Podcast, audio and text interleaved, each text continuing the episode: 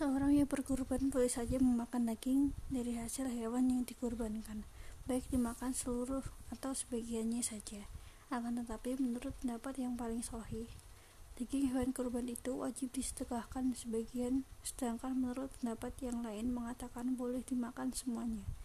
Dari dua pendapat tersebut, yang paling utama yaitu disedekahkan seluruhnya, kecuali beberapa suapan untuk dimakan sebagai tabaruk atau mengambil berkah sebagaimana ditegaskan oleh Imam An-Nawawi dalam kitab Minhajul At-Talibin.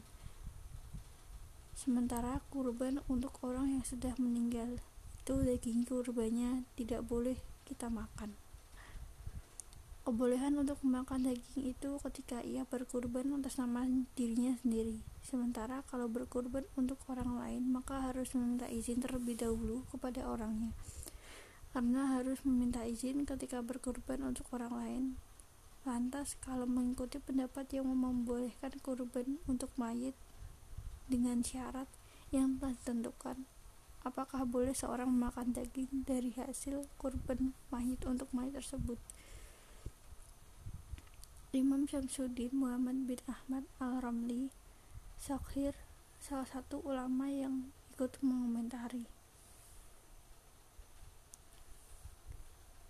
bagi seorang yang berkorban untuk dirinya, jika ia tidak murtad, maka boleh baginya untuk memakan daging dari hewan yang dikorbankan secara tatawu atau kurban sunnah atau hadiah bahkan disunahkan memakannya.